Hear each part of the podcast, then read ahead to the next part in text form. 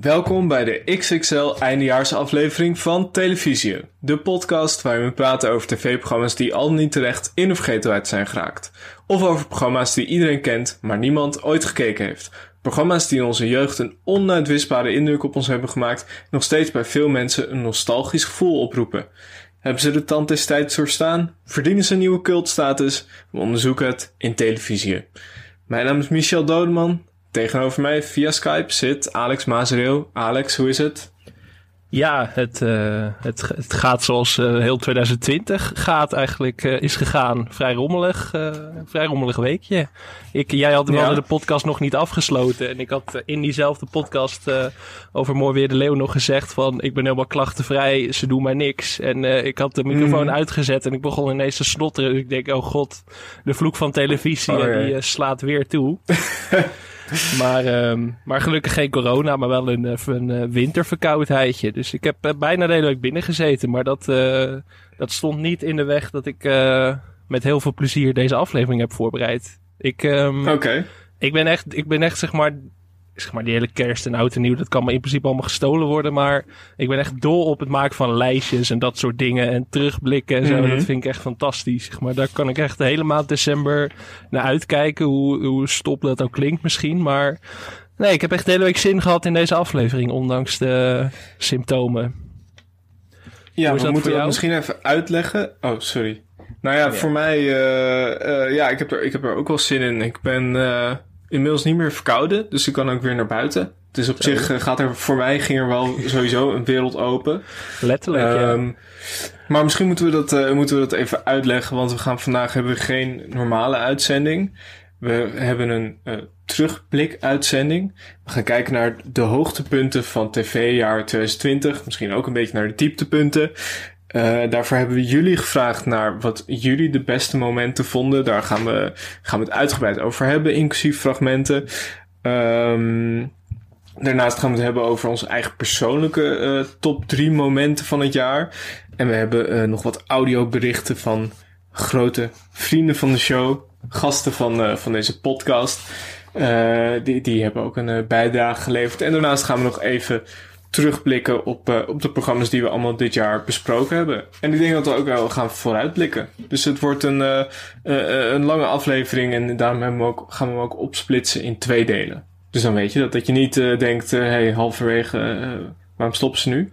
We gaan gewoon nog door. Wat een tractatie voor de mensen. Dat ze gewoon in één week twee televisieafleveringen hebben. Dat is echt uh, wat lekker. Goed, zo, uh, deze week tussen kerst en oud en nieuw is altijd al zo van ja, moet je nou doen met je leven? Want het is altijd net niks. Dus dan gewoon twee keer televisie. Wat, wat een wilde. Nou, we zijn er natuurlijk ook één keer niet geweest. Dus het dat is, ook een beetje compenseren. Het is ook een beetje compenseren voor de luistercijfers. Want het ziet er... ja, Deze maand ziet er opeens heel treurig uit met één uh, aflevering minder. Nee, we, we, gaan dit gewoon doen uh, omdat we het leuk vinden. Het kan zijn dat het een beetje chaotisch wordt in de, de geest van uh, Mooi Weer Leeuw vorige week. um, maar ja, la, laten we maar gewoon... Gewend, denk ik inmiddels, toch? Een beetje. Ja, dat denk ik ook. Dat denk het ik is... ook. Nou, zullen we maar gewoon uh, meteen beginnen met de tv-hoogtepunten? Ja, misschien is het wel goed om even. Ik, uh, ik denk, ik zat in een muzikale bui dit weekend. Ik denk, ik ga even wat, wat in elkaar flansen. En ik heb me laten inspireren door het onvolprezen, fantastische, wonderschone All You Need Is Love. Dus um, okay. een fantastisch, fantastische muzikale uitvoering in de kerstaflevering van afgelopen week. Met gastbijdrage van onder meer Femke Halsma, Hugo de Jonge en uh, Jochem Meijer. Dus uh, mm -hmm. nou ja, dit was TVR 2020. Ja, jongens, we kunnen er echt niet omheen deze week. Maar we gaan er toch omheen. Corona, want we hebben het allerleukste tot het allerlaatst bewaard. Goedenavond. Het coronavirus houdt ons land in de greep. Samen staan we voor een opgave van enorme omvang. Gaat u extra instaan? Eén of twee pakjes doppertjes of zo, maar meer niet. De virus zegt, zegt Ab Osterhaus. Viroloog Ab Osterhaus hier, hartelijk welkom. Dikke Robin van Persik, ijdele zak! Godverdomme! Ten eerste, ik heb superveel respect voor uh, corona. Waarom kan zij nou niet het fatsoen hebben om te zeggen... Natuurlijk, we gaan hier gewoon voor zitten. Ik steun dit voorstel, van dit, dit ridderlijke voorstel van Thierry. Het is gewoon een paar stukjes kaas. Nou ja, goed, dan praten we er niet over. Dan doe ik het zelf.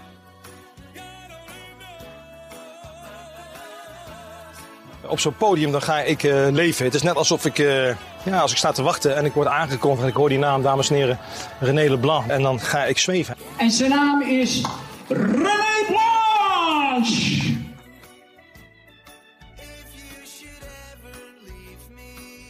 Ten slotte, in het hol van de leeuw, het geweten van Hilversum, een stem van het volk, AD-columniste Angela de Jong.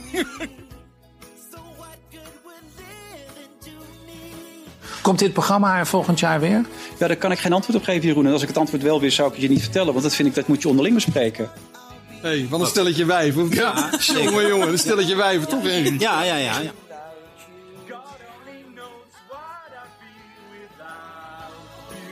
Nou, René Leblanc is gewoon een hele aardige gozer, zeg ik altijd. Ik kijk je in je mooie ogen. Wat ik zag, kon ik niet geloven. Maar heeft het ook een bepaalde betekenis? Tot nu toe heb ik geen één kip uh, iets gevaarlijks zien doen. Als ze uh, koekeloekoek doen en zo, is het leuk om te horen. Dat is waar. Heb je goed gezien? Ja, dit was een strikvraag. Ja. ja. Echt top, top advies. Ja. ja, ik vind het uh, typisch uh, grachtengordel. En daar heeft uh, de gewone televisiekijker gewoon geen behoefte aan. Dankjewel, dankjewel, dankjewel. Uh, het avontuur zit erop.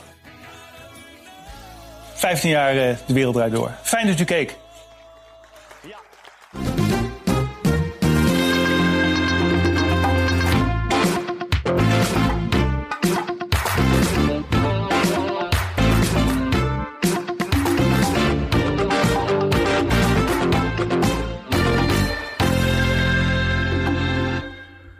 toch uh, fijn dat Hugo de Jonge het lijsttrekkerschap heeft uh, opgegeven, zodat hij zich kan richten op zijn zangcarrière.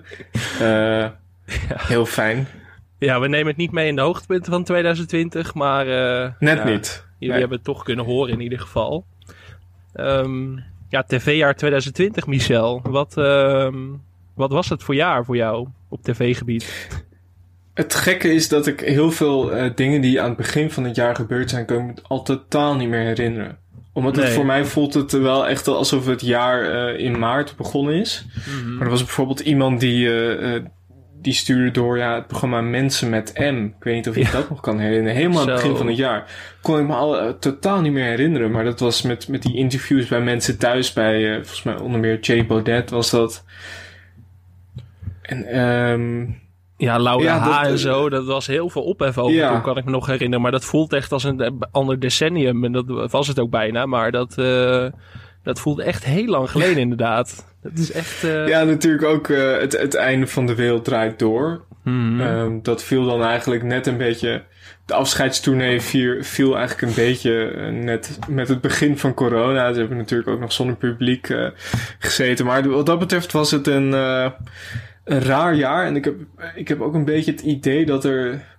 Eigenlijk dat het pas aan het einde van het jaar dat het weer een beetje. Kijk, heel veel van wat wij ook gaan bespreken, dat speelt zich allemaal af aan het einde van het jaar. Ik heb het pas een beetje het idee dat de. Uh, ja, de televisieprogramma's toen weer een beetje begonnen aan te trekken. Terwijl we maandenlang natuurlijk toch naar niks hebben zitten kijken, naar herhalingen en zo herhalingen en op Osterhaus. Dat, dat was een beetje het beeld uh, ja, tussen maart ja. en juni voor mijn gevoel. Ik, uh, ik weet ook niet hoe dat voor jou is, maar ik, ik kan me ook van de hele periode maart hier, tot juni ongeveer, die hele eerste lockdown of de intelligente lockdown, is echt een soort zwart gat of zo. Ik, ik kan me helemaal niet herinneren wat ik toen gedaan heb eigenlijk. Ik, uh, nee, ook het niet. Is, het is een soort waas. Ik bedoel alsof dit jaar eigenlijk maar een maand of zes geduurd heeft. Maar het voelt als een maand of achttien. Het is, uh, het is heel, uh, mm-hmm. heel vaag allemaal. Nou, laten we maar uh, gaan beginnen bij een van de, zeg maar, chronologisch eerste hoogtepunten die we binnenkregen. dat was ook eigenlijk iets van de wereld uit door waar we het over hebben gehad. Dat was de aflevering die in teken stond van uh, Abdelhak Nouri. Um, werd aangevraagd door Ed Rolf1 via vriend van de show. niet te verwarren met ja, Rolf 2 of gewoon Rolf. Uh, dit is echt Rolf 1. dit is wel een um, favoriete Rolf, denk ik. ja, ja, dit is een van de betere Rolfs op uh, Vrienden van de Show. Uh, ja, De Wereld Draait Door, die maakt een, een hele mooie aflevering over, over Abdelhak Nouri. Onder meer Frenkie de Jong, Steven Bergwijn en familieleden van, van Abdelhak kwamen langs om te praten over hem en over zijn carrière. En ik denk dat we er even naar gaan luisteren. We gaan zo uh, praten met, uh, de voet, met de voetballers. Het doet je wat, hè? Ja. Wat? Ja. Vader, broer, vrienden. Moeilijk. Ja, het is ook heel moeilijk. Het moeilijke, het moeilijke vind ik met name um, dat je zoveel potentie ziet en die potentie in de knop gebroken is. Maar tegelijkertijd zie je ook heel veel liefde. En dat is volgens mij waar we ons aan moeten vasthouden. Waar zij zich aan vasthouden. Hun, de liefde van mm -hmm. hun voor hem. Ja, klopt. Dat klopt. Ja. Dit was wel um, een beetje kenmerkend voor, voor De Wereld Draait Door. Zo'n zo'n aflevering, toch? Ja, het was ook hun ene laatste aflevering, toch? Als ik het me even goed herinner. En dat is best wel Ja, was in de laatste week. Want je verwacht eigenlijk één grote grote show waarbij alle, alle vrienden van, uh, van DWDD zeg maar nog één keer langskomen. Dat je Nico Dijkshoor, Mark-Marie Huibrechts, Alina Rijn, dat die allemaal uh, nog even langskomen om een laatste eer te bewijzen aan Matthijs. Maar dat hebben ze mede mm -hmm. door corona natuurlijk helemaal overboord moeten gooien. Waardoor het eigenlijk een soort ja, heel sereen, rustig programma werd. Zeg maar zonder alle poeha die er meestal met het publiek wel was. En dat, ja, dat kwam denk ik het mooist wel tot uiting in deze aflevering. Die niet per se ook een actueel haakje had of zo. En eigenlijk was deze aflevering van De Wereld Daardoor daarom wel wat dit programma ook zo, zo meesterlijk maakte, denk ik wel. Um, als het aan mij ligt. Ik weet niet hoe dat voor jou is. Ja, het gekke is wel dat ik vond bij de, bij de Wereld Door, nou ja, we hebben het er al heel vaak over gehad, sowieso een vrij iconisch programma, maar de, de afleveringen die mij nog het meeste bijstaan zijn vaak wel de, de afleveringen die in de teken stonden van één iemand. Dus mm -hmm. bijvoorbeeld uh, deze aflevering, ook uh, de aflevering over Johan Cruijff na zijn dood. Um, je hebt natuurlijk ook die aflevering met, was dat volgens mij was het toen Prince overleden was. Nou ja, heel veel van dat soort, um, ja, die, die thema-uitzendingen en die bijzondere uitzendingen. Dat, daar vond ik gewoon heel de wereld door. En ook Matthijs van Nieuwkerk echt op zijn best. Er waren natuurlijk, uh, weet je, richting het einde van de wereld door zijn er ook afleveringen geweest waarvan je dacht, uh, volgens mij heeft Matthijs er niet zoveel zin in. Of, uh, nee. of vindt hij het allemaal niet zo heel interessant. Maar bij deze aflevering in het bijzonder ook was hij, was hij echt scherp en goed. En waar het gewoon, um, mooi gesprek en was er ook gewoon tijd. Dat is, dat is ook fijn. En dat is ook lang niet altijd het geval geweest bij de Wereldtijd door. Het is natuurlijk altijd heel erg van alles zo snel mogelijk uh, uh, ja, afhandelen. En daarom is het fijn dat er ook een, nog helemaal aan het einde nog een aflevering was waarin gewoon een uur rustig gepraat kon worden over één onderwerp. Ja, precies. En dat, dat um, ja, zeker in die laatste weken hebben ze daar echt wel hun, hun legacy, zeg maar, mee veiliggesteld. Want er zaten zoveel mooie momenten in die laatste twee weken volgens mij. Uh, je had natuurlijk wel wat een paar momenten waarop ze inspeelden op de actualiteit, zoals de persconferenties waar ze dan vlak na zaten. Maar zeker in die Mhm. laatste week volgens mij, um, ik heb dat ook als een van mijn persoonlijke hoogtepunten van dit jaar. Heb je ook de aflevering waarin André van Duin uh, La Bohème Ja. zingt voor Matthijs van Nieuwkerk. Ja. Het was kortom geen beelden, maar het was wel de plek waar we onze liefde deelden. La Bohème, La Bohème. We waren jong, we hadden tijd in overvloed. La Bohème, La Bohème. Het was voor eeuwig, voor altijd, het was voor goed. Nu ben ik uh, van nature vrij nuchter, maar ik heb toch een traantje gelaten. Ik ga het hier toch, uh, toch eerlijk toegeven. Ik vond het echt uh, Mhm. waanzinnig mooi. En het was ook misschien de timing. Het was precies, zeg maar, tijdens die eerste lockdown. En iedereen was toch ja, best wel angstig en een beetje nou, meer op zijn of haar hoede dan, dan nu, denk ik. En ja, eigenlijk kwam daar ook een beetje alles samen of zo. Ik, ik, vond dat echt een ik vond dat echt waanzinnig mooie televisie. En ook op een manier ontroerend die je niet heel vaak ziet. En dat geldt ook wel voor het moment in die Nouri-uitzending waar we het net al even over hadden. Um, dat het Matthijs op een gegeven moment even te veel wordt en dat Humberto Tan het moet overnemen. Ja. Dat, uh, dat vond ik ook heel aangrijpend of zo. En uh, je, kunt, uh, je, je zult altijd mensen hebben die dan zeggen van ja, is gespeeld of bla bla bla, is niet oprecht. Maar ja, zo voelde het toch wel. En dat, ja, dat valt voor mij toch wel de magie van Matthijs van Nieuwkerk en de Wereld Door heel goed samen, die twee momenten. Ja, ik vond het eigenlijk ook wel weer ergens, nou, ik zal niet zeggen treffend of passend, maar uh, ergens is het ook wel heel bijzonder dat de Wereld Door precies in deze periode is afgesloten, omdat het daardoor, kijk, uh, we, hoeven daar niet heel dramatisch over te doen. Het is gewoon een televisieprogramma dat uh, afscheid neemt. Maar door, door de timing en door inderdaad het gevoel bij mensen thuis, en iedereen zat natuurlijk, ja, iedereen zat thuis een beetje tv te kijken. Mm -hmm. Daardoor kreeg het opeens wel een soort ja, een soort extra lading en werd het opeens ook, uh, voelde het wat urgenter of zo. Ja, dat, dat normaal gesproken zou je misschien denken van, ja, als André van Duin die een liedje komt zien, ja. oké, okay, uh, moet dat per se, maar op dat moment voelde het eigenlijk heel perfect bijna of zo. Precies, ja. En het, het werkte ook natuurlijk. Volgens mij zaten ze bijna op 4 miljoen kijkers op een gegeven moment. Dus ze hebben ook in mm -hmm. die zin echt uh, een blijvende, blijvende erfenis opgebouwd. Maar ja, um, ik denk ook dat je in de talkshow, in de 7 uur talkshows die erna kwamen, kon je ook gewoon echt goed zien hoe bijzonder de wereld erdoor eigenlijk was. Zeg maar. We hebben allemaal wel grapjes gemaakt over dat het soms uh, iets te veel grachtengordel was. Dan vind ik het een verschrikkelijk mm -hmm. cliché om met grachtengordel te spreken. Maar het was soms natuurlijk wel een beetje te veel in-crowd. Ik bedoel, dat, uh, die kritiek was niet onterecht. Maar het was aan de andere kant ook gewoon een heel bijzonder programma. In de zin dat het echt maar die verwondering van Matthijs, dat is toch wel echt, zeg maar, dat hebben niet veel mensen die dat zeg maar zo goed kunnen. En dat, ja, M en de vooravond, zeg maar, die halen het echt bij lange na gewoon niet. En dat, dat maakt de wereld erdoor eigenlijk alleen nog maar beter. Dat is toch iets geks, hè? Want soms dan zit je te kijken naar een tv-programma. Dat had ik altijd wel. Als ik naar de wereld doorkeek, dan dacht ik... Ja, uh, hoe moeilijk is het nou? Ja. Maar uh, keer op keer op keer blijkt dat het inderdaad toch uh, best moeilijk is om, om echt een goede presentator of presentatrice te vinden. En die zijn nou ja, in Nederland gewoon eerlijk gezegd best schaars. Um, gewoon de, de echt, echt goede. En um, nee, maar juist op het moment dat de wereld door weg was, kwam je daar weer een beetje ander, achter. daarom is het ook fijn dat Matthijs binnenkort weer terug is. ja. Op oudejaarsavond volgens mij voor het eerst, hè? Matthijs gaat door, gaat het heten, toch? Ik zag echt een heel ja, vet, uh, vet promofilmpje. Ja, ja. Zo, dat was goed gemaakt, hè? Zo, ja. Maar goed, ja. Als Matthijs ervoor gaat, dan doet hij het ook gewoon niet op halve kracht. En dat vind ik eigenlijk wel, wel mooi. En dat heeft hij ook gewoon wel afgedwongen. Ik bedoel, we kunnen zeggen wat we willen, maar hij heeft toch nou ja, bijna 15 jaar lang wel echt een van de beste, beste tv-programma's in recente heugenis gemaakt. Dus ja, wat, uh, wie zijn wij om daar wat uh, aan af te doen dan? -hmm. Ik uh, denk dat het tijd is om door te gaan naar een ander tv-hoogtepunt, hoewel het niet echt een hoogtepunt was. Um, dat is, nou ja, ik zal alvast even waarschuwen. Er komen ook nog vrolijkere stukken.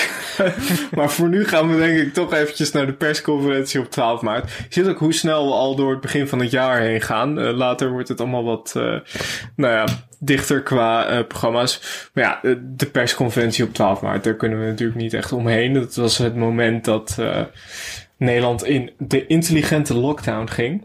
Ja, en daarvoor hebben we nog een fragmentje binnengekregen van onze producer. En uh, nou ja, we mogen hem toch ook wel oppervriend van de show noemen. Uh, Volkert Koelhoorn. Beste mensen, we gaan het eens een keer helemaal anders doen.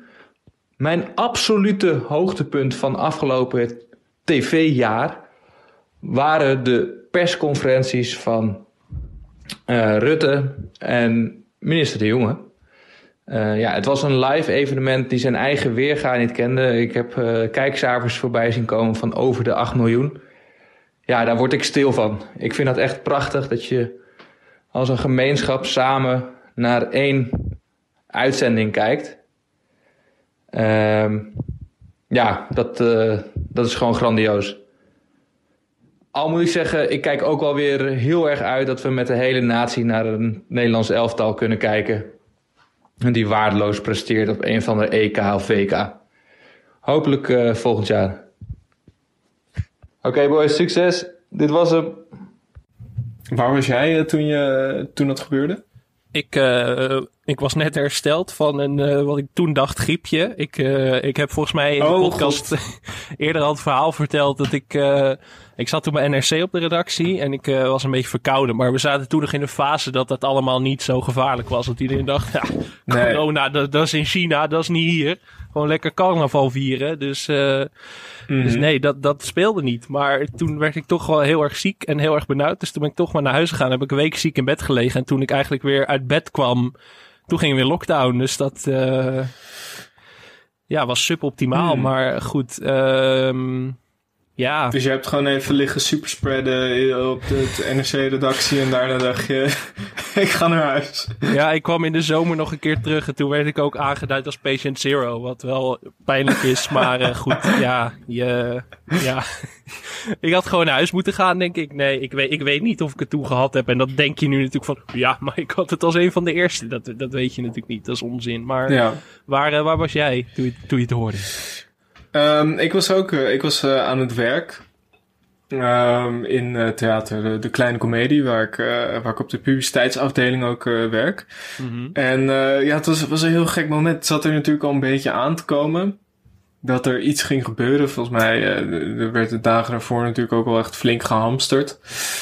En uh, toen op een gegeven moment, ja, we werden gewoon op kantoor echt gebeld van, ja, jullie moeten nu naar beneden komen, want de pers, er, er, er is een persconferentie. En uh, toen hebben we met z'n allen in een eh, best wel krappe foyer achteraf uh, staan kijken naar, naar de televisie, naar de persconferentie. En ja, dat was wel zo'n ontzettend gek moment, omdat je dan met z'n allen daarnaar aan het kijken bent. Dat, dat voelde echt, nou ja, door, Angela de Jong noemde dat het COVID in de pan hakken, geloof ik. Maar het, het, is heel gek dat je zo het idee dat je met z'n allen daarnaar zit te kijken. En tegelijkertijd denk je, oh, we moeten nu dan echt toch wel meer afstand gaan houden. Jullie stonden nog lekker dicht op elkaar naar die persconferentie te kijken. En toen was het ineens zo van, uh, oh, we moeten toch maar uit elkaar gaan staan. En uh, toen was het eigenlijk, uh, nou ja, dan moet je als theater, wij gingen natuurlijk ook dicht. Dus er moest er van alles geregeld worden. En toen was het eigenlijk ja, naar huis en uh, ja, na het weekend zien we wel even verder, want we weten eigenlijk niet zo goed wat er nu uh, gaat gebeuren. Dus um, nee, dat, uh, dat, dat was heel wonderlijk, heel surrealistisch. jij, jij refereerde net al even aan die column van Angela de Jong. En ik wil er toch even een citaatje uit voorlezen. Omdat ik die best wel, die vond ik echt heel erg grappig uiteindelijk. Ik bedoel, uh, we hebben ja. rustig graag gedaan met Angela de Jong in deze podcast. Dus uh, op het eind van het jaar mogen we wel uh, één, één citaatje er doorheen gooien. Ze schreef ja. toen, het geeft gek genoeg ook een gevoel van samenhorigheid en gezelligheid. Alsof Oranje moet spelen en COVID-19 de tegenstander is die we met z'n allen in de pan gaan hakken. niet, niet per se heel goed gerijpt, die uitspraak, maar... Je hebt, je hebt de plank misslaan en je hebt van die momenten dat er geen plank is. Nee. Er is gewoon geen plank, er wordt in het wilde weg geslagen op dingen. Nou ja, nou ja, daar ja, denk ik, ik ook steeds verder, aan als ja. ik aan de eerste lockdown denk. Maar dat is ook een referentiekader geworden waarbij ik... Uh, maar ja. Um, ja. we hadden natuurlijk ook die hele hype rond, uh, rondom de dooftalk Irma Sluis. Waar, waar ik ook uh, vrij snel moe van word. Ik bedoel, ik heb er nog zelf meegewerkt aan een stuk over Irma Sluis. Dus ik ben niet helemaal vrij van mm -hmm. meedijnen op de hype. Maar dat, dat werd ook ineens een ding of zo. Alsof we maar iets zochten om ons aan vast te houden of zo. En dan maar de doventolk als symbool daarvan gingen nemen. Dat is ook wel vrij wonderlijk uiteindelijk. Ja, het was dat, dat, was dat gekke, gekke gevoel van saamhorigheid. Uh, dat we gewoon opeens allemaal om dezelfde dingen lachten. Ja. En we, we klapten voor de zorgmedewerkers. Oh, ik weet wel met, met Koningsdag dat het dan het idee was. Nou ja, bij mij natuurlijk dat niemand had gedaan. Dat je allemaal om, volgens mij om 12 uur ging zingen voor de koning en zo. Als je er nu, als je er nu aan terugdenkt, nu is iedereen gewoon continu boos. Ja. Iedereen scheldt elkaar uit bij het vriesvak. En iedereen zegt, uh, ga weg, hou, afstand. Terwijl toen was het echt, uh, in maart, april was het echt van, nou ja, kom op, we gaan dit met z'n allen doen. En uh, terwijl nu is iedereen gewoon alleen maar aan het zeiken op Hugo de Jonge. Nou, dat is dan wel een beetje saamhorig, maar... Ja, eh, dat, dat is ook saamhorig. ja. ja, het is een ander soort saamhorigheid. Ja, maar ja, je hebt wel gelijk. Het was inderdaad een soort. eh, Ook op Twitter was er veel minder geruzie dan normaal. Het, het, eh, door ons geliefde Twitter was het best gezellig, Mhm. meestal. Ja. Ehm, maar dat is als sneeuw voor de zon verdwenen. We zijn echt. eh, ja, het is een soort bijna land in oorlogssituatie op sommige momenten geworden inmiddels. Dat je echt in de Albert Heijn inderdaad met gevaar voor eigen leven rond gaat lopen. We zijn, eh, we zijn heel snel heel zuur ge- eh, geworden, denk ik. En er is eigenlijk maar één medicijn tegen. en dat is het volgende hoogtepunt.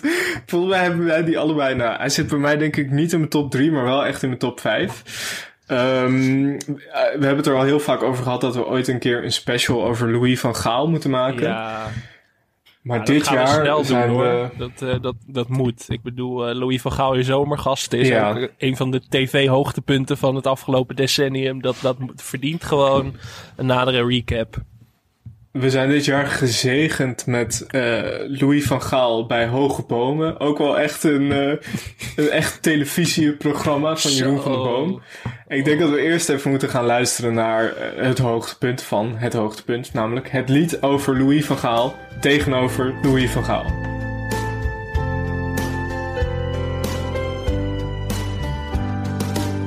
Als jongste van een groot gezin, zo viel Louis de wereld in. Als Aloysius van Gaal. Dat het gezin een elftal was, dat kwam hem later goed van pas. Het begin van een succesverhaal. Louis, ja wat je van hem vindt, of je hem haat of juist bemint, is geen karakter voor het midden. Hij werd getroffen door het lot, kreeg het toen aan de stok met God en besloot nooit meer te bidden. Louis, jij man van veel gezichten. Je mag bij hoge bomen staan. Hoewel de wind zich op jou richtte, heb jij de stormen steeds doorstaan. Ja, dit was echt goed hè? Zo. Heb jij de hele aflevering gezien? Zeker, twee keer zelfs wel, denk ik. Ik, eh, ik denk dat ik bijna toe ben aan de derde keer inmiddels zelf. Want het is echt, het is weergaloze televisie. Het is echt Ja. nou, bijna alles wat ik in een tv-programma zoek eigenlijk wel, denk ik. Ehm, Mhm. Ik heb hem ook niet in mijn top 3 gezet omdat ik hem te voor de hand liggend vond. En ik hem alleen al vijf keer gedeeld heb op Twitter dit jaar volgens mij. Dus ik denk, ja, je, kan- je kan ook te ver doorslaan. Maar het, is, het programma is alleen al zo goed. Je hebt gewoon Jeroen van der Boom die Ja. achter een piano zit en gewoon de loftrompet steekt. Of wat is, wat is de uitdrukking? De, lo- de lof, lof Ja, ja, hij steekt hem. Ja, heel goed. Ja, nee. En over Hij steekt hem op heel veel plekken. over mensen als, als Sylvie Meis en John van Heuvel, Martin Meiland en de Ja. Van Gaal. Nou ja, wat, Ja, wat een format. Wat een format. Ja, het is echt, eh, ja, voor de mensen die het niet gezien hebben, het is dus inderdaad, eh, nou kijk, wat het altijd een beetje is met Louis van Gaal, als hij over zijn persoonlijke leven gaat vertellen, vertelt hij altijd wel een beetje hetzelfde. Ehm, maar ik denk dat hij nog nooit zo carte blanche heeft gekregen als nu. Het was gewoon, hij kreeg alle ruimte en eh, Jeroen van der Boom moest hard lachen om elke grap. En ja, de apotheose was dus dit nummer. Ja, een nummer van gewoon drie minuten waarin Jeroen van der Boom zingt over Louis van Gaal tegen Louis van Gaal. En het is natuurlijk ook het leuke. De meeste mensen zouden zich misschien een beetje, een beetje Nou, opgelaten ja. voelen. Of Een beetje. ja, denken, een beetje om zich heen kijken, een beetje glimlachen. Maar Louis keek Jeroen van der Boom gewoon eigenlijk strak aan en keek af en toe een beetje over hem heen. Ja, het is echt, echt fantastisch. Echt Nou ja. fantastisch. Ik hoop echt dat dit programma terugkomt. Ja, Louise was ook gewoon in staat om nog eh, kritiek te gaan uiten op de tekst waarschijnlijk. Van ja, Ja. Jeroen, eh, ik vind dit niet goed en dit had wel wat vriendelijker gemogen en zo. Dat, dat, daar zat je eigenlijk op te wachten. Maar ehm, ja, ik hoop ook dat het programma terugkomt. En eigenlijk hoop ik dat Louis gewoon weer de seizoensopener is van seizoen 2. Ja. Dan gewoon nog een keer. Dat, ma ma ik, ma ik- dat maakt me echt niet uit. Gewoon Echt, eh, maak, er een, eh, maak er een avondvullend programma van. Ik, ik, zit, ik zit klaar en ik ben be- bereid om een live podcast erbij op te nemen. Echt, eh, Jeroen, mocht je luisteren, gouden idee. Maar wa ja, wat, wat een programma. Wat een programma. Ja, dit, dit, dit fragment van eh, Louis, jij man van veel gezichten, de- dit nummer, dit wordt ook regelmatig getoond bij, eh, bij VI, geloof ik. Volgens mij heeft Wilfred Gené daar ook over gezegd dat eh, ja, eigenlijk niemand daar meer wil zitten aan die, aan die piano van Jeroen van der Boom. dat ze bang zijn dat dit de televisiehistorie ingaat. Maar dat vind ik jammer. Ik vind het jammer dat mensen daar nu bang voor zijn. En het, had toch, het was best een goede, het was echt een A-sterrenlijst toch wel. Zeker. Zeker. Het was, niet, het was geen eh, alle hens aan dek eh, met, qua deelnemers. Het was wel echt, Nee, nee, waren nee. echt A-sterren. Het is misschien wat voor, voor Hugo de Jong om daar eh, volgend jaar een keer te zitten. Ik denk dat Hugo zichzelf heeft aangemeld voor januari. Gewoon meteen. eh, Ja. Misschien Maar- dat Hugo dan achter die piano gaat zitten, dat hij zingt over Jeroen van der Boom. Misschien moeten wij dit ook gewoon in de podcast gaan introduceren in seizoen 2. Gewoon dat, eh, dat we elke week om de beurt voor elkaar op de piano een liedje voor elkaar gaan schrijven. En dat- Ja. Over piano. Nou, daar gaan we, het, eh, we gaan het zo nog wel over Rens Klamer hebben, over piano gesproken. Ehm, ik denk dat het eerst goed is om. Dit is heel gek, hier hebben we het eigenlijk helemaal nog niet over gehad. Nee, Eh, terwijl dit ook wel. wel echt een hoogtepunt is van het jaar. Lang leven de liefde. Dat is een, eh, een, een programma waarin singles met elkaar in een, in een huis worden gezet. Volgens mij is dat 24 uur lang, dacht ik. Mhm. En eh, nou ja, dan leren ze elkaar kennen. En eh, het, het, is echt, het is echt fantastische televisie. Want nou ja, die mensen... eh, het, het wordt matig gematcht. Kunnen we wel zeggen. het is niet vaak dat je denkt van... Nou, ze passen perfect bij elkaar. Nee. ehm, ja, moeten we even een fragmentje instarten om eh, een soort beeld te schetsen? Dat mensen denken. Ja, misschien is, het goed, eh, misschien is het goed om te zeggen... Er zijn twee fragmenten die echt heel goed zijn. En de ene moet je eigenlijk even zien. Die zullen we op, eh, op de social media plaatsen. Dat is ja, een man die probeert om een ontbijtje te maken. Maar dat gaat... Nou ja, hij, hij heeft niet door dat hij de stekker in de, in de, in de sinuspers moet zetten. En maar... hij legt volgens mij ook gewoon een croissantje op, een, op zo'n kookplaat die niet aanstaat. Maar dat is toch ook die man die twee eieren gewoon zo in de keukenmachine doet. En dan... Ja, ja. Ja, gelooft was je echt- ogen echt niet. Je, je, je denkt echt van dit, dit kan niet echt zijn. Dit is een sketch van promenade, Nee. maar dat is het niet. Nee, die, die moet je dus even kijken. En er is dus ook nog een ander echt hoogtepunt. De- de- een man die in, in volksmond bekend staat als de kaasblokjesman. Hij werd eh, aangevraagd door eh Steven laagstreep S13 op Twitter. En daar gaan we even naar luisteren, want dat is heel goed. Zou jij straks daar een paar stukjes kaas aan willen snijden? Waarom? Kun je zelf ook? Ja, ja. In de pauze kun je dat toch ja, maar ik doen? moet je luisteren, lieve schat. Zometeen komen die jongens, die gaan erover praten, eventjes. Ja, maar dan Is kun je maar toch luisteren, hè? Nou, dat vind ik allemaal niks hoor. Dat vind ik niks. Gewoon als iemand het vraagt, je hebt een stukjes kaas. Het is gewoon een paar stukjes kaas. Nou ja, goed, dan praten we daar niet over. Dan doe ik het zelf. Ja, de kaasblokjesman. Het is ook, ja, je zou eigenlijk ook weer hierbij ook de beelden erbij moeten zien. Want de minachting druipt uit haar gezicht. Zo, zo. Ja, en die man je- heeft niet door wat hij fout doet. Maar hij begint ook heel romantisch, zeg maar, zo over haar heen hangen van... eh, als jij dan eh, even een paar eh, kaasblokjes eh, aan zou willen snijden. Alsof hij haar een soort van plezier doet door het aan haar te vragen. Ja. Maar inderdaad, zij appt onderwijl met een vriendin van... Ja, hij vraagt me om kaas te snijden omdat hij zelf voetbal wil kijken. En hij wil niet opstaan in de rust omdat hij de analyse van Johan Derksen per se wil horen. nou ja, ik, ik, ik moet zeggen, daar heb ik ook wel respect voor, die toewijding. Ik bedoel, als je zo toegewijd bent Ja. om gewoon de hele reclame en de analyse tussen haakjes te blijven zitten, dan, dan ben je echt een grote speler. Dan, eh, dan ben je Ja. een held. Ja. Nee, het, ehm, eh, ik zei net al, er is vaak niet zo goed gematcht. Maar dit was echt een, eh, een complete mismatch. Maar het is, het is echt een heel goed... Het is gek dat we het er nog, nog nooit over hebben gehad. Want het is echt een heel goed programma. Nee, maar ik. En je ik hoort de gekste niks- dingen. Ik had er ook niet per se iets over gelezen of gehoord of zo. Het was niet echt een ding Nee. op Twitter zoals ik geloof in mij dat bijvoorbeeld wel was. Maar Mhm.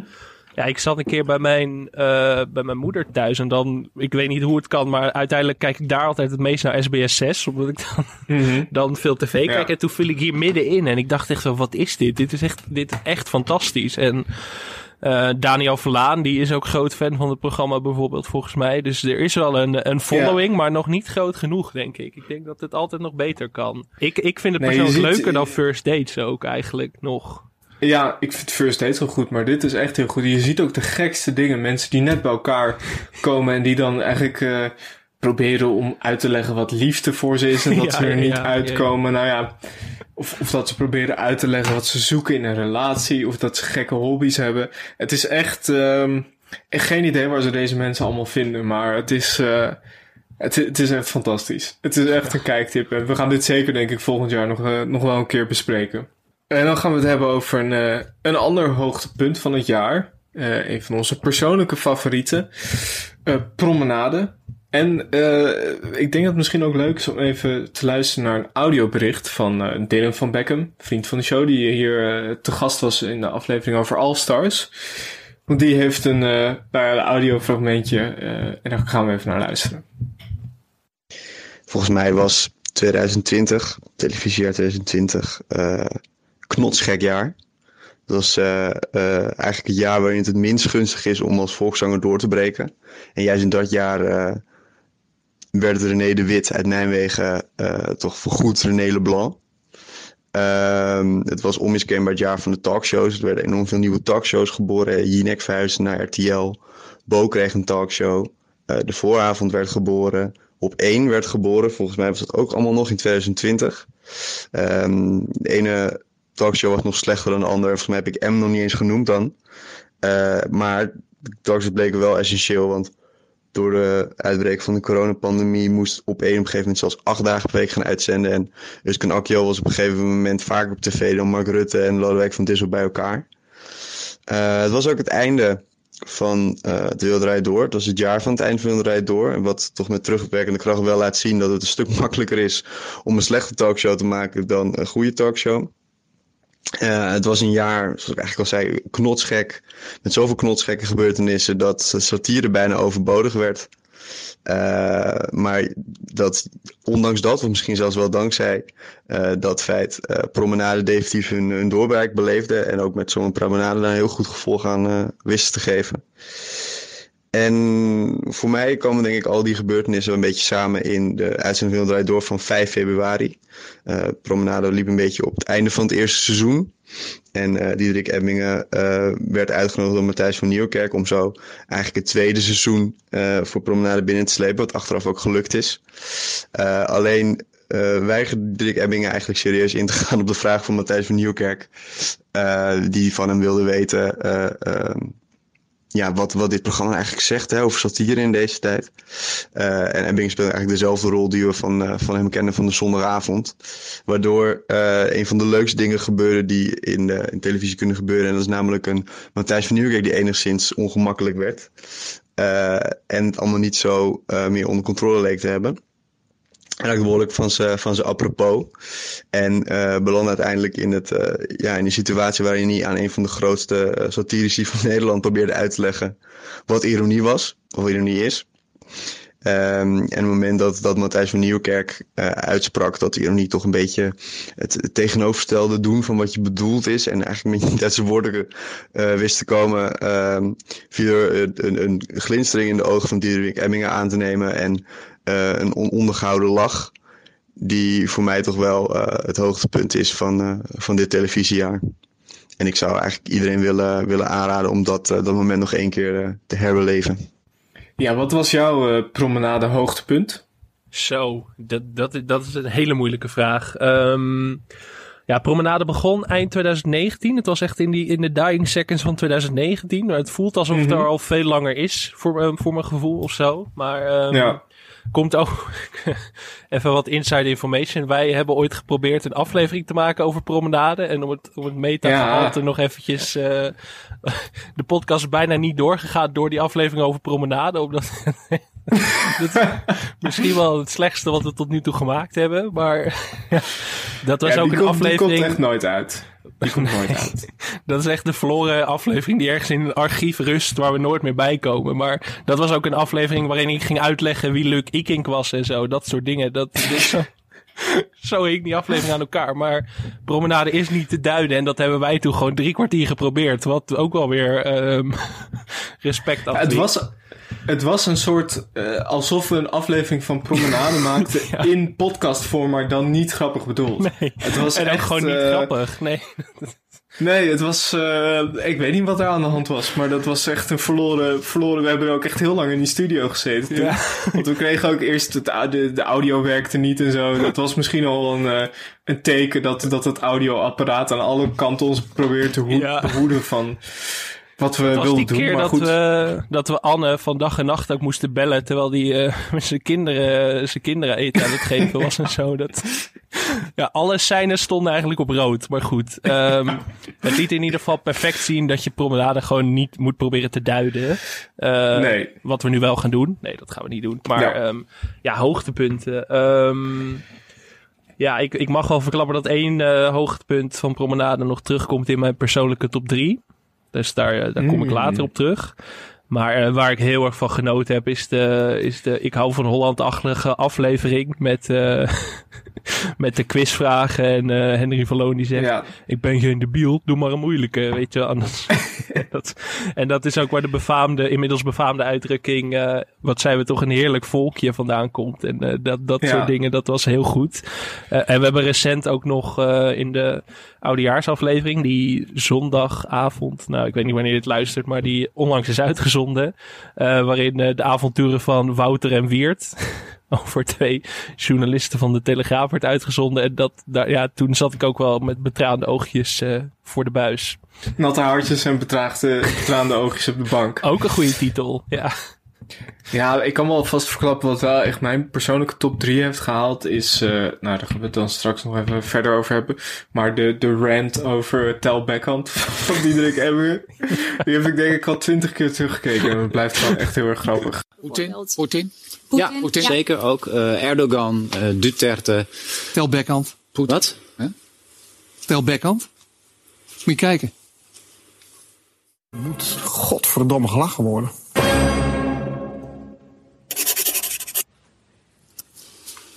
Laat je dit nou zien omdat, eh, omdat hij onszelf ingenomen noemde? We hadden in de echte promenade hadden we volgens mij ook al een filmpje over hem gemaakt, toch? Gewoon stom. En hoezo zelf ingenomen? Dat, dat zeg je toch niet? Dat zeg ik toch ook niet? Ik zeg toch ook niet van, oh, die Tel Beckhand is zelf ingenomen. Dat doe ik toch helemaal niet? Ik bedoel, wij proberen toch gewoon een hartstikke leuk programma te maken. En dan lachen we wel eens om elkaar. Maar volgens mij lachen die lama's veel harder en veel vaker om elkaar. En natuurlijk wil ik ook wel een miljoen kijkers, weet je wel. Maar dan ga je er toch niet gewoon maar lopen roepen. Ik ken hem gewoon, hè? Ik kom hem af en toe best wel tegen op straat. En dan zegt hij gewoon heel aardig. Hallo Diederik, hoe is het Diederik? Heel collegiaal allemaal. En dan nou opeens dit man. Iedereen is zo hard geworden tegenwoordig. En waarom zegt hij het dan niet tegen mij, weet je wel? Zeg het dan godverdomme gewoon tegen mij, man. Kom het eens tegen mij zeggen, man. Met je klassieke muziek, man. Flikker toch op, man. Kom eens hier, man, jongen. Dikke Robin van Persik. Ijdele zak. Godverdomme. Het is ook fantastisch, want ze beginnen inderdaad met een soort opzomming van Duterte, Poetin en dat Diederik hebben een telbackhand gewoon in dat rijtje. en dan wordt hij tot aan de enkels toe afgezaagd en het is echt zo mooi. Het is... Ja, het is, eh, de- de promenade moet je gewoon eh, moet je zien. Moet je niet veel over praten. Ja, je En, moet het eh, zien om het te net- begrijpen. Ja. Ja, je moet het. Nou ja, goed. eh, op het moment dat dit uitkomt, dan eh, hebben we gisteravond eh, de, de tweede oudejaarsuitzending eh gehad. Voor, zoals Diederik zegt, eh, de lager opgeleide en mensen uit de provincie. Om de kloof te dichten, ja. Ja, precies. En op de 27e was hoger opgeleide en Randstad. Dus kijk maar even wanneer je kijkt. En waar, bij welke aflevering je het meest thuis voelt. Maar ehm, nou, om nog heel even op het audiobericht van Dylan terug te komen. Die, die refereerde ook aan het optreden van Diederik Emmen bij De Wereld Door. Als we Ja. toch iets van kritiek op Matthijs van Nieuwkerk moeten hebben, was het wel dat gesprek waarin Matthijs niet door had dat hij er totaal bij werd genaaid door Diederik Emmingen. En dat Matthijs ook echt serieus vroeg van... Ja, maar Diederik, wat is ironie eigenlijk? En dat, ja, Ja. Dat, dat was toch jammer. Dat is toch een eh, smetje op het verder eh, feilloze blazoen van Matthijs van Nieuwkerk. Ja, maar dat maakt het ook alweer leuk, want het was eh, uitstekend materiaal voor in de volgende promenade-aflevering. Dus wat dat betreft pakt het heel goed uit. Nou, van, de van de wereld draait door is het eh, een kleine, eh, kleine stap naar de vooravond. Ehm, we zijn allebei niet zo wild van, ehm, van, van talkshows. En er zat ook een moment in, ik weet nou niet of dit een hoogtepunt was, of een dieptepunt, of eh, ik weet eigenlijk niet wat het was. Hoe we moeten er maar naar gaan luisteren. Zo, Ja. ja. Hey Vie, dan weet je nog? Toen we hieraan begonnen Lag het land nog te zonnen En nu is het guur en koud. Er werd nog nauwelijks getest. Iedereen mocht nog op vakantie. Op YouTube stond Lange Francie. Grapperhaus was net getrouwd Een nieuwe tijd Nieuwe tijd, nieuwe tijd. Nou, ik ga liever terug naar vroeger. Waar alles een wending neemt Het blijft toch vreemd Hoeveel er in acht weken is gebeurd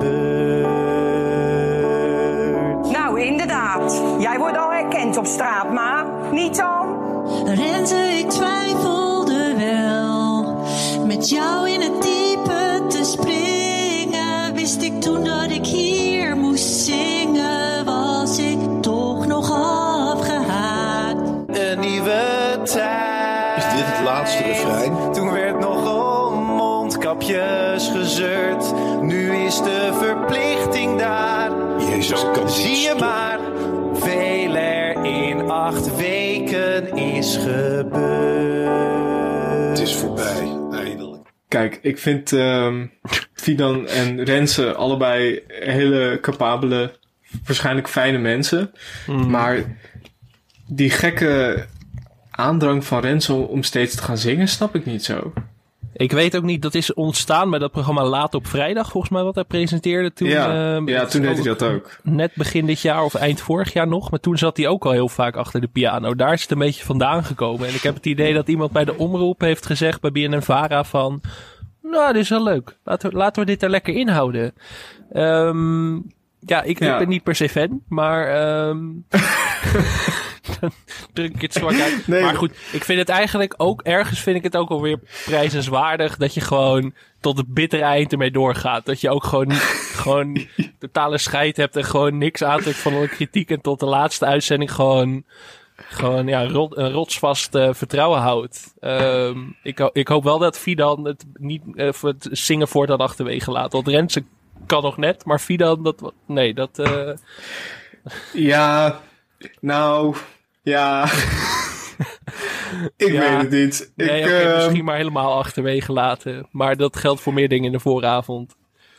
Het voelt een beetje als. ehm, je hebt een aflevering, die kan ik me nog goed herinneren uit mijn, uit mijn jeugd. Van eh, eh, een aflevering van SpongeBob, waarin hij door zijn broek scheurt.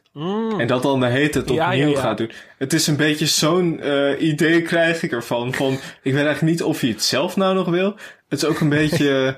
wat, wat is die zin ook weer uit... uit ehm, eh, uit Simpsons, Say the Line Bart of zo.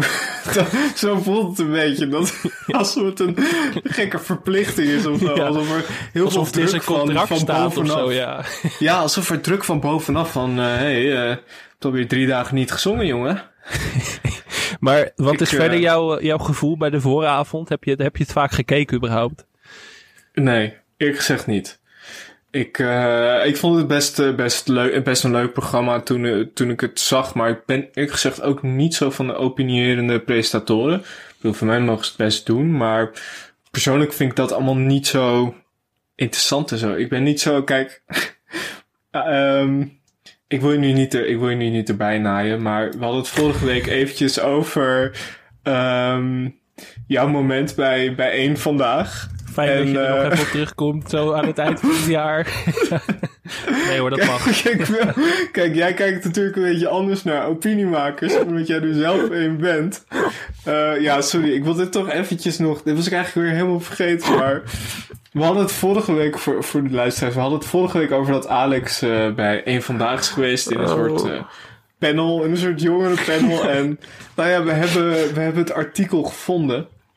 Ja, jij En het helaas, artikel, ja. het artikel opent met... Mijn naam is Alex Maasbeer, 22. Ik ben derdejaars student politicologie aan de Universiteit van Amsterdam... en ben daarnaast onder meer actief als blogger... en sporadisch als opiniemaker.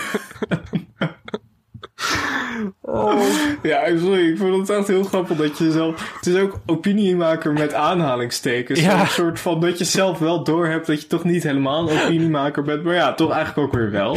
Maar opiniemaker was wel in de breedste zin van het woord. Ik schreef wel echt eh, filmrecensies op mijn eigen blog... die dan door drie mensen gelezen werden. Waaronder ik zelf, mijn moeder en eh, een verdwaalde ziel op internet waarschijnlijk. Ja, Ja. nee, ehm, ik, ik, ben, ik ben daar niet trots op. Eh, maar goed, ik... eh, ik, zal, ik zal het er ook niet uitknippen, dit, eh, dit ding. Maar ehm, ja, goed. Eh, het is nu een geuzetitel die ik ook maar gewoon omarm. En ik zou het ook eh, fijn vinden als jij me voortaan elke week introduceert als opiniemaker Alex Mazerin. dat, eh, Ja. mijn god. Ja. Oh, god. Het, eh, Ik, ehm, ik denk dat er nog... één- Oh, sorry, wat wil je zeggen? Nou, niet, niet- niks, eh, niks meer. Dus eh, liefst zo min mogelijk over mijn bijdrage aan één vandaag in 2018. Oké, we gaan. ik denk dat we nog één programma gaan bespreken en eh, dan gaan we er even uit voor, eh, want we zijn alweer tijd aan het praten en dan komt morgen het tweede deel. Mag ik nog één ding zeggen over de vooravond? Ja, zeker. Als we het toch over een dieptepuntje hebben. Ik, ik vind het heel dapper dat je vasthoudt aan iets eh, als een huiscabaretier... wat gewoon al vanaf aflevering 1 totaal niet werkt. En wat alle experimenten ook al hebben uitgewezen... dat dat meestal niet werkt. Maar dat ze er tot het einde toe ook daaraan hebben vastgehouden... vind ik ook wel prijzenswaardig. Dat, eh, maar Ja, stop huiscabaretiers en, eh, en eh, programma's en actualiteit. eh, het is eh, zelden goed gegaan. Eigenlijk, Ja, gewoon eigenlijk alleen doen. bij Peter Pannenkoek en Pieter Derks. Maar dat, dat is, het is ook echt... ehm, nou, dat weet ik natuurlijk van mijn eigen ervaring uit de comedy scene.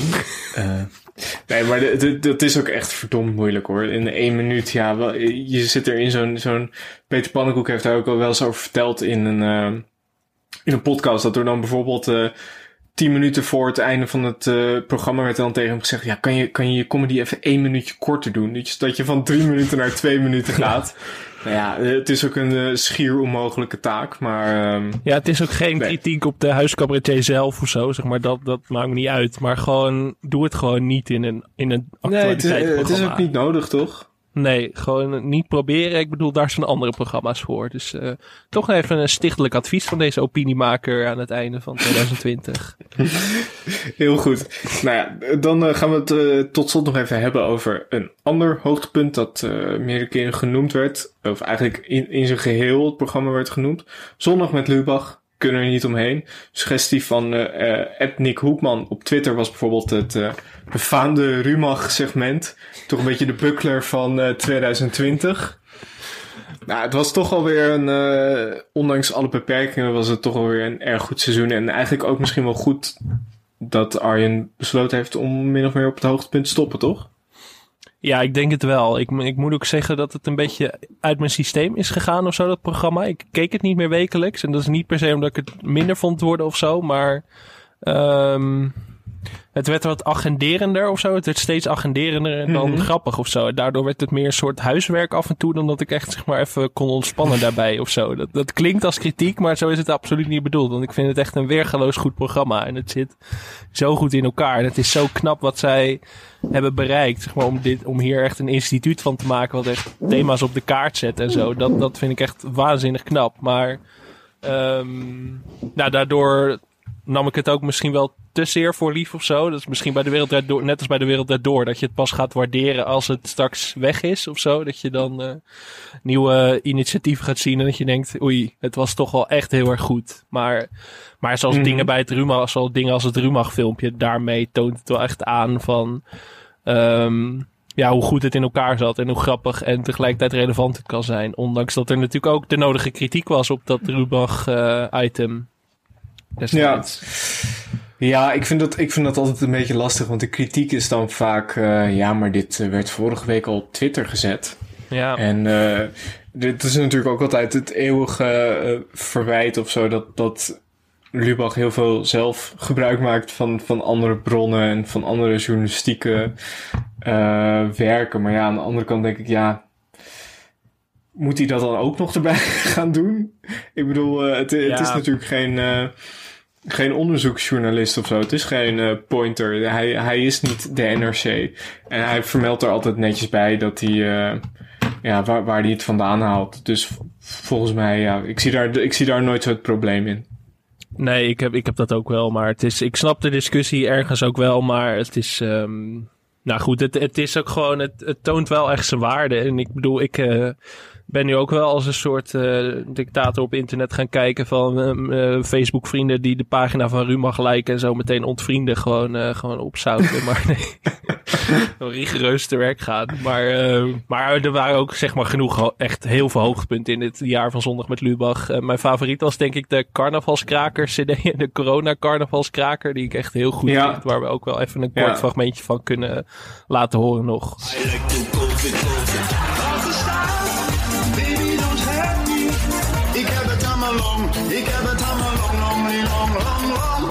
Leerzame nummers met relevante vragen. Mag je iets gaan drinken met een volle licht? In een veel te kleine ruimte met de ramen dicht. Moet ik dan intuberen? Van Geniet van Vert Grapperhaus met Oh was ik maar van moeder afgebleven. Of Eros Sole Mio. Ik leef niet met mevrouw.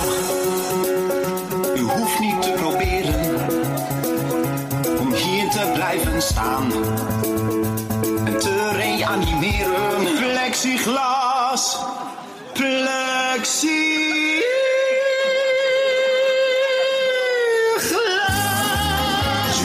eigen woning bestelt, ontvangt u de Dr. Anders P. bonus DVD met de corona dodenrit. Ik rijd hier met Anvossen door het eindeloze woud.